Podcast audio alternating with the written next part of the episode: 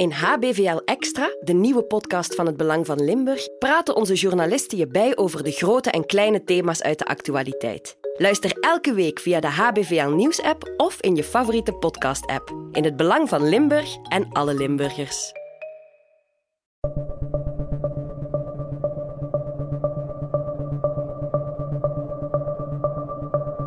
Moord. Het opzettelijk en met voorbedachte raden doden van een medemens. Het is het zwaarste misdrijf dat iemand kan begaan. We zijn er op een akelige manier door gefascineerd. Hoeveel romans, films en andere verhalen behandelen dit duistere thema? Helaas is moord niet altijd fictie. Integendeel. Er wordt gedood uit passie of jaloezie, uit wraak, lust, voor geld of botweg uit haat. Deze reeks analyseren we verschillende ophefmakende Limburgse moorddossiers, van plaatsdelict tot veroordeling. En gaan we op zoek naar de motieven die in het verknipte hoofd van de dader zijn gruwel rechtvaardigen. Ik ben Geert op Teinde en dit is Van Moord tot Verdikt. Episode 9. De executie van kleuterjuf José. Zondagavond 13 december 2009 omstreeks half negen. Celine, de jongste dochter van de gepensioneerde kleuterjuf José Widdershoven en ex-beroepschauffeur Lei Beaumont, komt thuis bij haar moeder in de Brugstraat in Vught, Maasmechelen. Celine is die namiddag bij haar vriend geweest en ze wil nog een gezellige avond met haar moeder doorbrengen.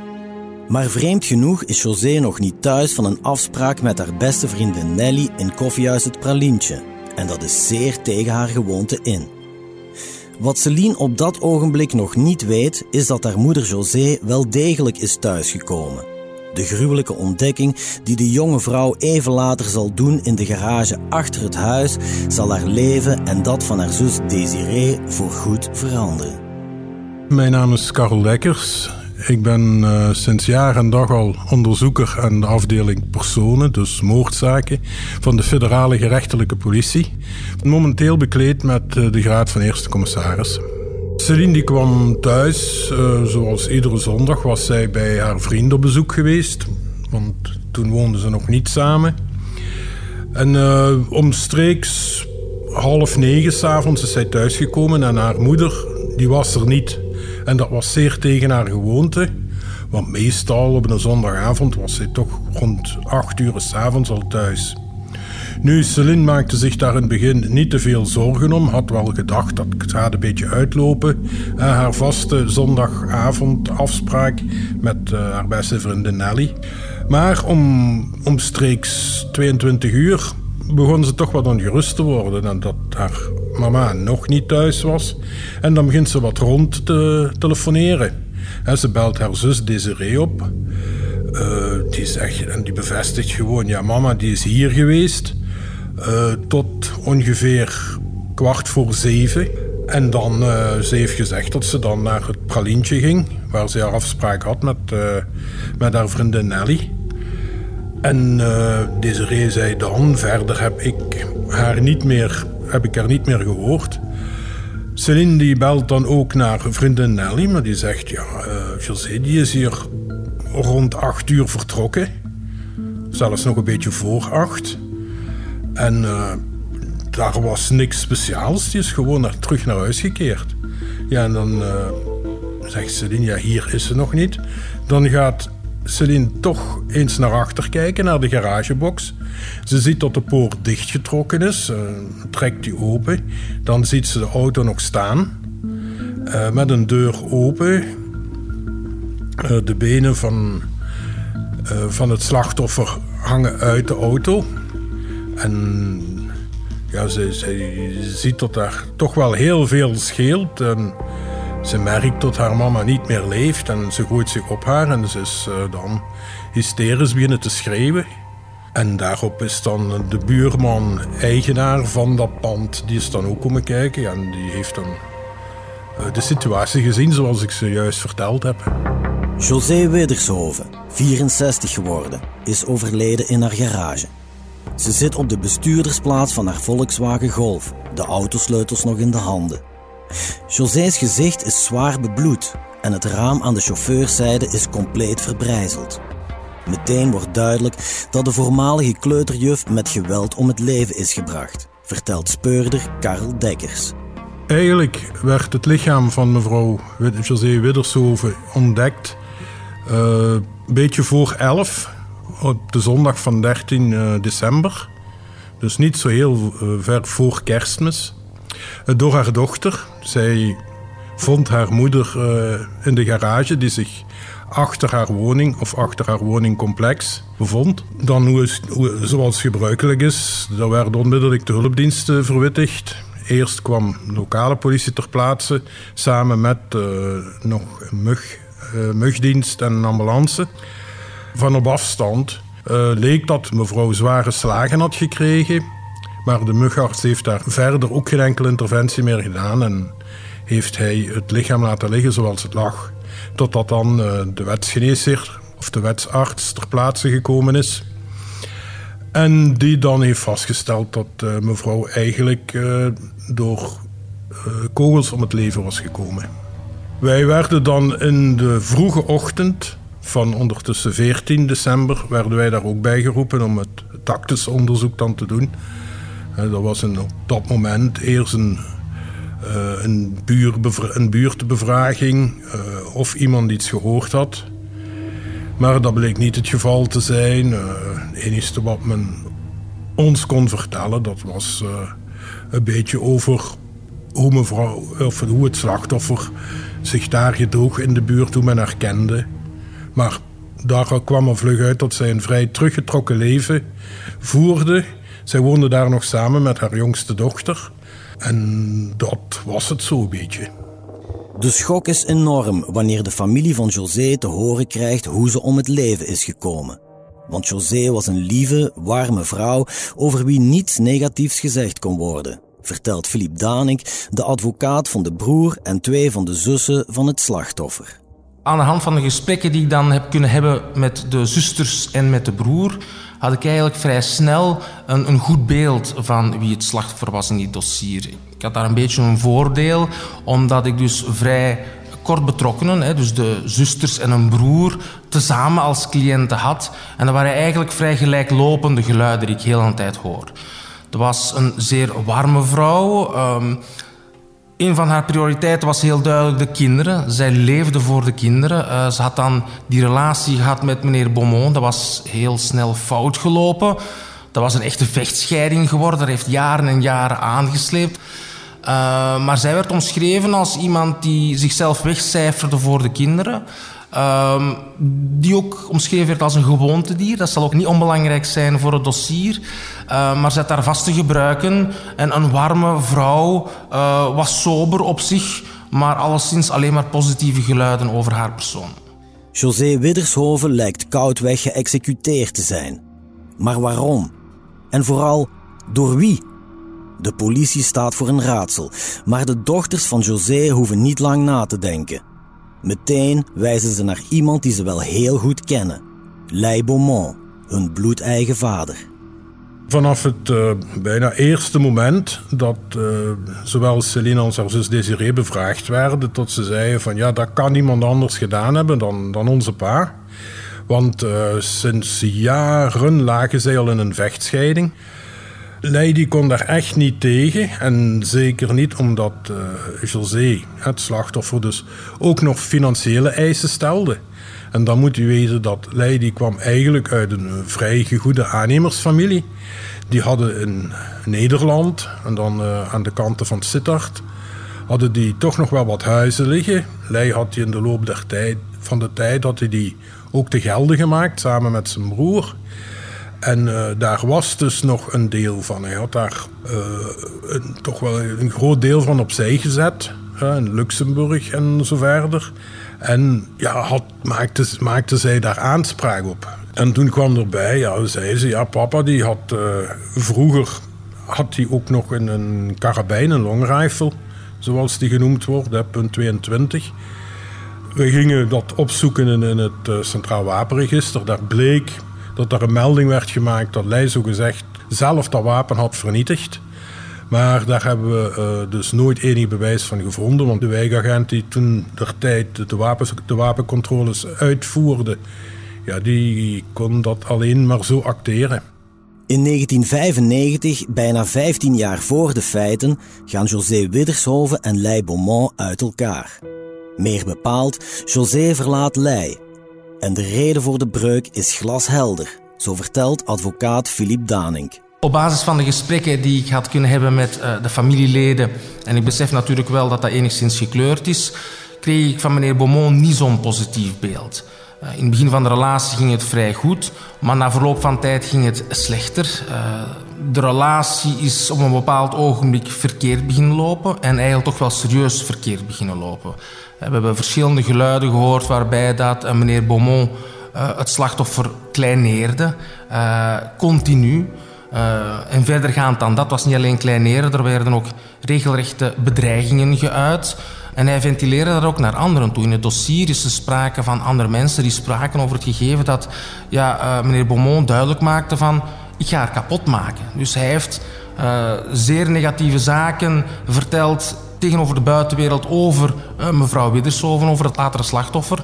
En, en ja, dat was het beeld dat ook bij de familie terecht was gekomen. Dus over meneer Beaumont kon de familie niet heel veel positiefs kwijt. Wel, de reden van die breuk had alles te maken met de manier waarop de Beaumont zich uh, gedroeg ten aanzien uh, van José. En nogmaals, van, van, van kleineringen, van, van, van gedragingen die echt niet door de beugel konden, tot regelrechte bedreiging, ook ten aanzien van de twee dochters, zijn eigen dochters.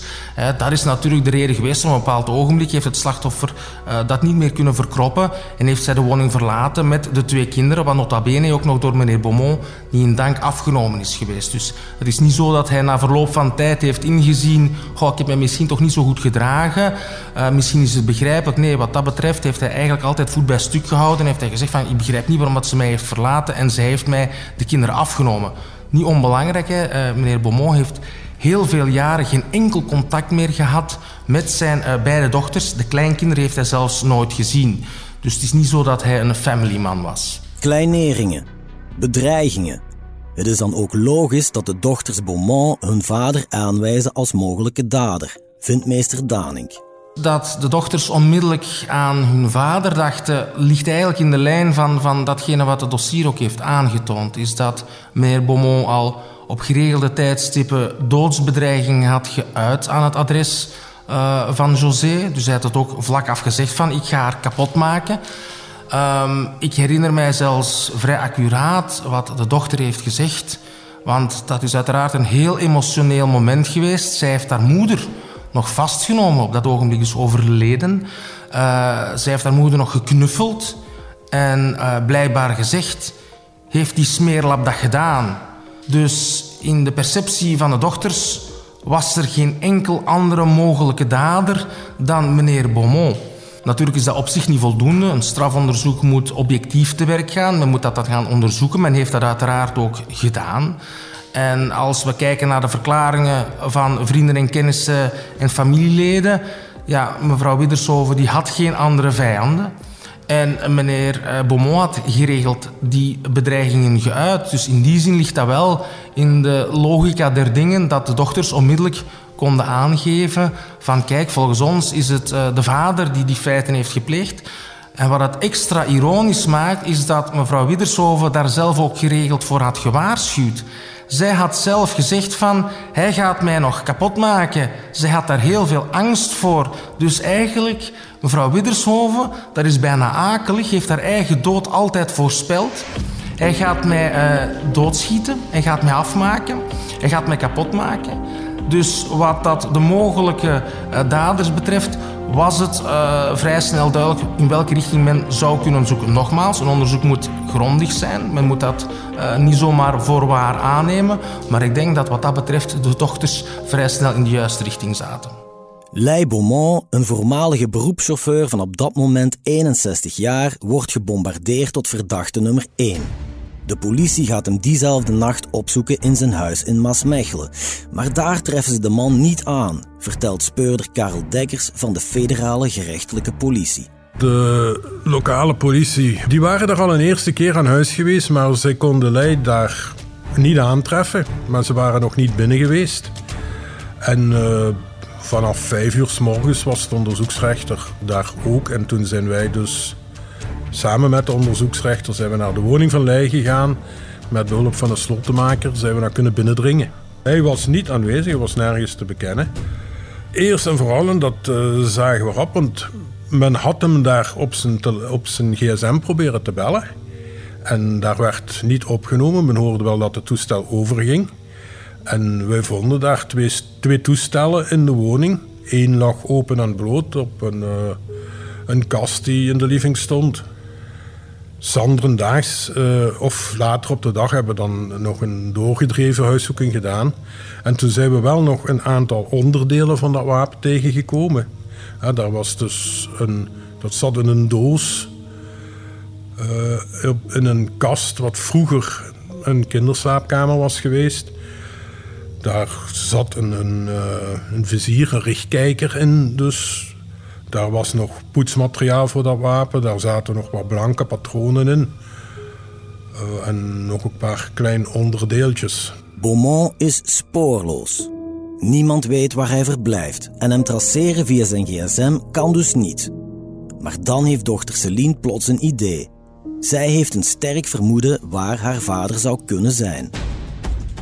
Dat uh, heeft dochter Celine ons dan ook verteld, van dat haar oom, dus de broer van Lei, dat die een huis had in Castellan, in de Provence, in Frankrijk dus. En dan heb ik gebeld gehad met uh, de gendarmerie die daar bevoegd was. En die zijn dan eerst gewoon eens gaan kijken en die hebben vastgesteld dat uh, de auto van Lei, die stond daar in de buurt. Toen wisten we dat uh, hij er was. Ondertussen hadden wij ook contact gehad met uh, de broer, met buren die zijn Lei dan gaan zoeken. Via zijn broer komt Lei te weten dat de politie naar hem op zoek is. Hij neemt contact op met de speurders en de volgende dag keert hij terug naar België om zich vrijwillig aan te bieden voor een verhoor. Tijdens dat eerste verhoor kwam hij vrij stug over. Hij zei gewoon, ik heb daar niks mee te maken. Ik zat uh, duizend kilometer verder. Uh, ja, dat ik misschien als verdachte gezien word tot daartoe. Maar ik heb daar niks mee te maken. En ik uh, wens ook niks te zeggen zonder dat er hier een advocaat aanwezig is. Lei Beaumont ontkent in alle talen. Met de moord op zijn ex-vrouw heeft hij niets te maken, zegt hij. En dat zijn dochters hem aanwijzen als hoofdverdachte, dat raakt hem, zegt zijn advocaat Natasha Biele, die ook een uitleg heeft voor Beaumonts plotse vertrek naar Frankrijk op de avond van de feiten. De relatie van meneer Beaumont met mevrouw Widdershoven was al langer verstoord. En met de dochters was het op sommige momenten beter, maar over het algemeen ook wel uh, verstoord. Vooral met één dochter meer dan de andere, meen ik mij te herinneren. Maar in ieder geval, hij vond die uitingen van de dochters wel erg. Meneer Beaumont is die avond vertrokken inderdaad naar Castellan, maar dat was niet zo plots. Hij had, het was toen half december, hij had al aangekondigd in Castellan dat hem tegen de eindejaarsdagen ging komen. En hij keek dan altijd naar welk weer het was om te reizen of niet. Dat had hem trouwens ook gedaan die dag, dat heeft men nagegaan. Waarom had hij geen reservebagage bij? Omdat hij daar wel soms hele lange tijden verbleef. Hij had ook een stuk van de woning van zijn broer voor eigen gebruik, dus hij had daar alles liggen. En wat die gsm betreft, we spreken 2009, 2010, niet deze tijd. En bovendien een oudere heer die gsm gebruikte hij heel erg weinig. Ook dat heeft onderzoek uitgewezen. Dus hij, hij, had die gewoon niet bij, omdat dat voor hem normaal was.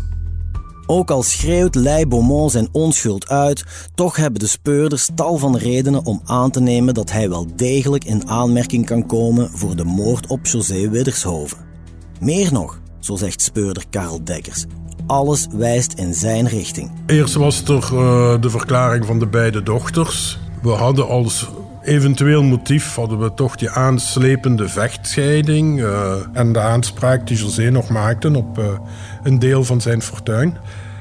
Er wees ook alles een beetje in zijn richting, want toen we de tijdslijn hadden opgemaakt, dan zien we ook dat kort voordat José in het pralientje aankwam voor die afspraak met haar vriendin, dat Lei toen en tanken was in het tankstation Dats, dat wat daar schuin tegenover ligt in op Grimby.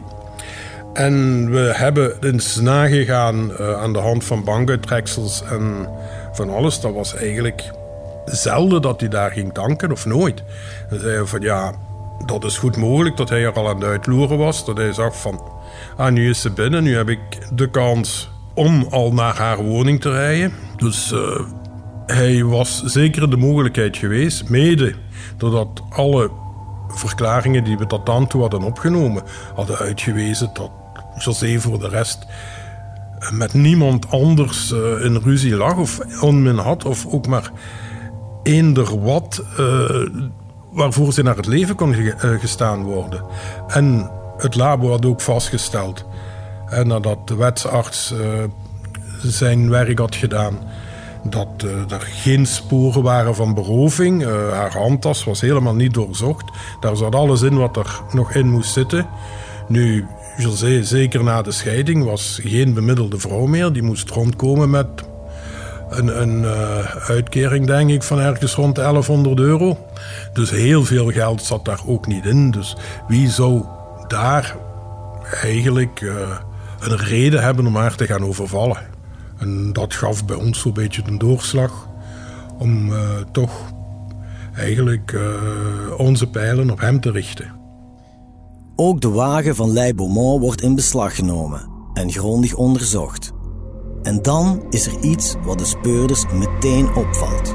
We hebben dan uh, ook zijn GPS of navigatietoestel nauwkeurig onderzocht. En daar zagen we dat hij tijdens uh, zijn rit naar Castellan toe eigenlijk zijn GPS heeft uh, opgezet juist voorbij Nancy. Dan zat hij al een heel stuk uh, op Frans grondgebied.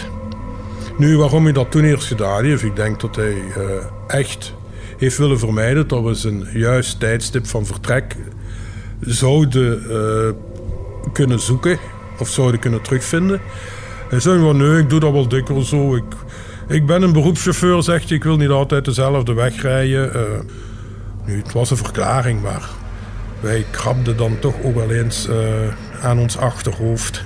We hebben nagegaan of er uh, in die hele tijdsperiode... of daar toch niet een of andere psychopaat aan het rondwaren was... die op het, op het geraakt af overvallen ging, ging plegen of mensen ging beschieten, maar dat bleek niet het geval te zijn. Uh, het was er altijd heel rustig geweest.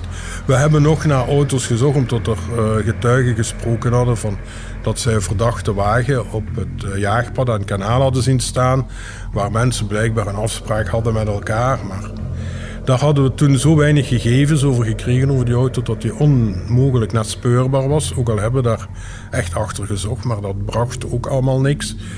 Uh, men, en Lei alludeerde daar zelf op dat uh, José een verhouding zou hebben gehad. Maar daar hebben we in de verte verte niks van kunnen terugvinden. Niemand kon dat bevestigen. Nee, een, een tegendeel, dat werd altijd flagrant tegengesproken. Dus dan bleef er eigenlijk nog maar één mogelijkheid over. Er blijft maar één mogelijkheid over, zegt commissaris Karel Dekkers. En dus wordt Lei Beaumont aangehouden op verdenking van moord. Maar het vermoedelijke motief, de financiële afhandeling van de vechtscheiding, houdt geen steek, vindt zijn advocaten.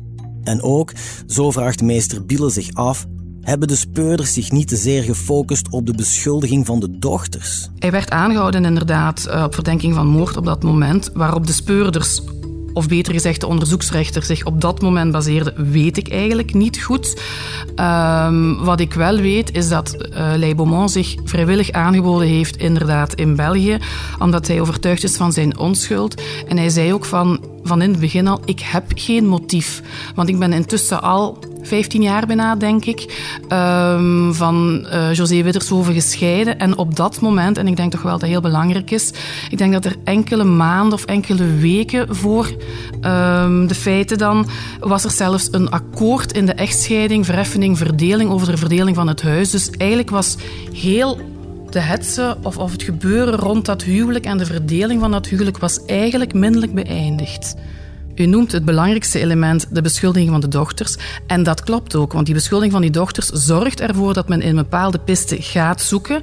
Wat een logische menselijke reactie is, maar wat misschien voor speurders wat minder logisch zou moeten zijn. Um, op basis van het dossier hebben wij toch vastgesteld dat er heel wat elementen waren die niet aantoonden op schuld. En um, men zou dat ook gemerkt hebben in de rest van de procedure. Er waren verslagen van deskundigen die eigenlijk redelijk duidelijk aantoonden dat meneer Beaumont niet de dader kon zijn. Dus er waren ook wel heel wat elementen die wezen op de onschuld van Lei Beaumont. Heel wat elementen zouden volgens de politie kunnen wijzen op de schuld van Lei Beaumont. Maar evenzeer zijn er elementen die zijn onschuld kunnen aantonen, beweert meester Biele. Wat vaststaat is dat de Kamer van Inbeschuldigingsstelling van Antwerpen concludeert dat er onvoldoende aanwijzingen zijn tegen Beaumont om hem nog langer in de cel te houden. Twee weken na zijn aanhouding mag hij de gevangenis dan ook verlaten. Het is dus uh, moeilijk als we geen materieel bewijs hebben. En materieel bewijs wil zeggen dat we een voorwerp kunnen terugvinden dat gebruikt is om uh, de moord of de doodslag in dit geval te plegen. Uh, dat we harde motieven hebben om het te doen. dat er bijvoorbeeld een bekentenis is. Dat was er allemaal niet. Nee, het was, het was eigenlijk, werd allemaal ontkend. En op dat moment hadden we, uh, of ja, vond de rechtbank dat, of de raadkamer dat niet genoeg om hem verder in de gevangenis te houden. Waarom dat meneer Beaumont vrij kort na de eerste aanhouding is vrijgelaten? Alle pijlen wezen in dezelfde richting. De dochters hadden een zeer duidelijk vermoeden andere mensen in de omgeving ook. Maar natuurlijk, dat is niet voldoende om iemand te veroordelen voor zulke zwaarwichtige feiten als moord. Dus daar is men eigenlijk vrij correct geweest. Behoudens die elementen op dat ogenblik had men nog niet gek veel concrete bewijselementen.